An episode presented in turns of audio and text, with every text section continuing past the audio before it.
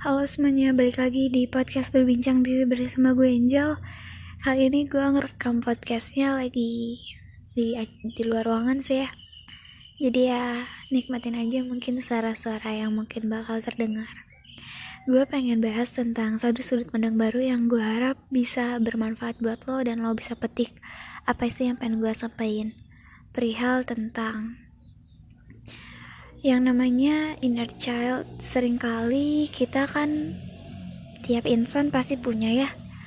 Punya trauma di masa kecil punya pengalaman buruk di masa kecil yang kadang itu bisa kebawa sampai sekarang dan bisa jadi pribadi kita yang sekarang.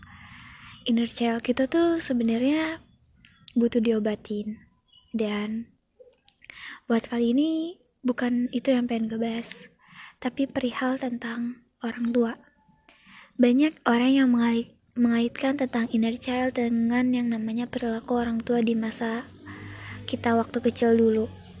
Banyak yang menyalahkan orang tua atas perilaku atau apa yang telah mereka lakukan ke kita sehingga ngebentuk trauma dan jadi pribadi yang mungkin sekarang kita rada sedikit sesali atau ingin kita rubah.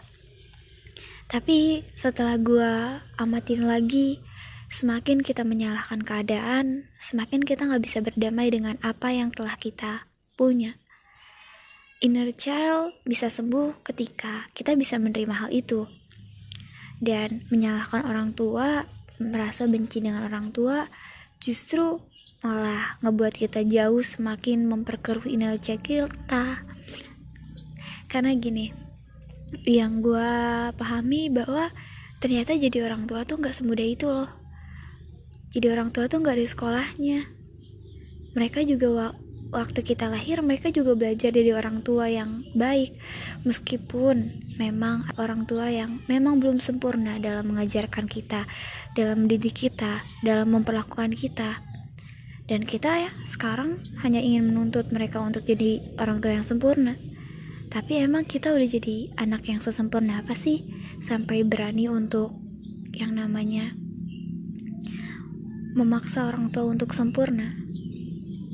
Memang, gue waktu gue akuin bahwa setiap orang berhak punya hak mereka untuk mendapat perlakuan yang baik, untuk mendapat apa pun yang ibaratnya pantas untuk pantas untuk kita dapatkan. Tapi kita juga harus ingat bahwa sebelum mendapatkan hak tersebut kita harus menjalankan kewajiban kita. Kalau misalnya uh, eh, gue ada analogi ini kayak gini.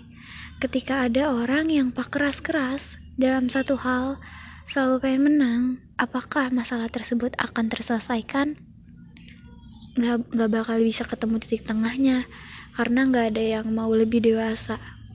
Tapi gue percaya kok lo semua udah pada dewasa dan memahami bahwa menjadi orang tua itu nggak mudah memang menjadi satu hal yang gak mudah juga buat kita untuk bisa menerima. Karena pernah dengar gak sih orang tua waktu kita lahir mereka pun belajar untuk jadi orang tua tersebut.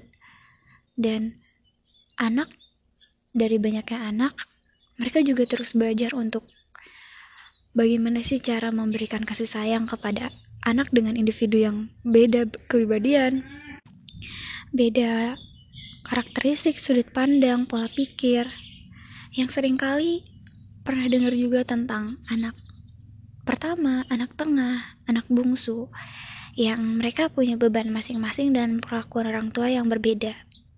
Gue akuin memang ada hal tersebut di dalam suatu keluarga yang gak kita gak bisa memungkiri bahwa orang tua juga ada capeknya, orang tua ada salahnya, orang tua juga punya titik lemah mereka.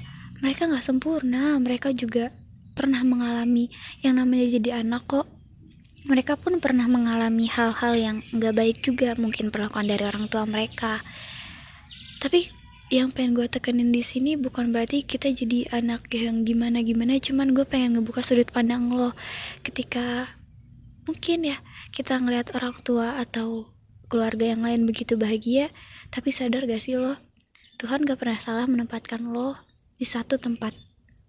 Dengan adanya orang tua yang mungkin dengan karakteristik yang sekarang lo nggak ngerti kenapa lo bisa sebel banget ternyata itu bisa menjadikan lo diri sekarang dan bisa jadi pribadi yang tangguh jadi diri sekarang.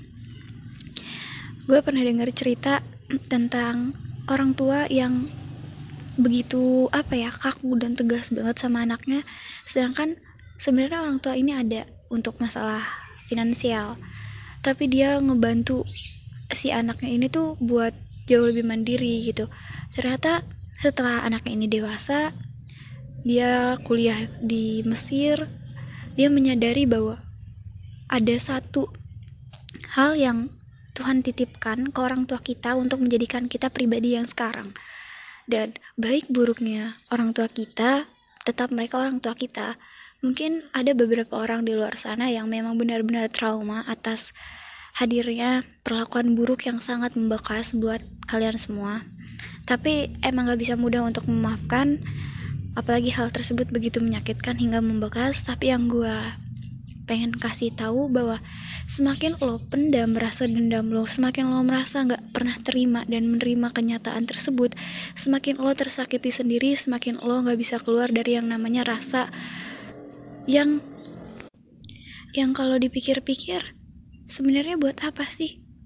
Ibaratnya ada batu yang lo kekem banget mengganjal di hati lo dan gak bakal lo lepas-lepas meskipun sebenarnya lo kesel. Belajar untuk bisa mengikhlaskan karena emang gak semuanya harus sesuai dengan apa yang lo inginkan gitu. Gue tahu memang terkadang menyakitkan kadang pengen nangis kadang pengen segala macem. Inersia lo juga menggebu-gebu pengen mungkin ada yang kurang perhatian dari orang tuanya ada perlakuan buruk tapi lo hebat banget jadi manusia yang dewasa sekarang. Gue tahu banyak beban dan permasalahan yang ada di setiap orang dan pasti ada di setiap orang. Tapi gue pengen lo jadi orang yang bertumbuh dan kita sama-sama bertumbuh. Kita sama-sama belajar menerima kenyataan apa pun ya mungkin bisa kita terima sekarang dan kita mengubahnya untuk ke arah yang lebih baik ya mungkin sekian aja sih podcast buat kali ini. Sorry banget buat suara-suara yang ngeganggu karena gue lagi ada di luar ruangan dan kebetulan gue buatnya siang hari gitu. Biasanya kan tenang ya. Ya gue harap dari podcast kali ini terdapat sudut pandang yang bisa lo ambil manfaatnya. Mohon maaf kalau ada salah-salah ya. Sekian terima kasih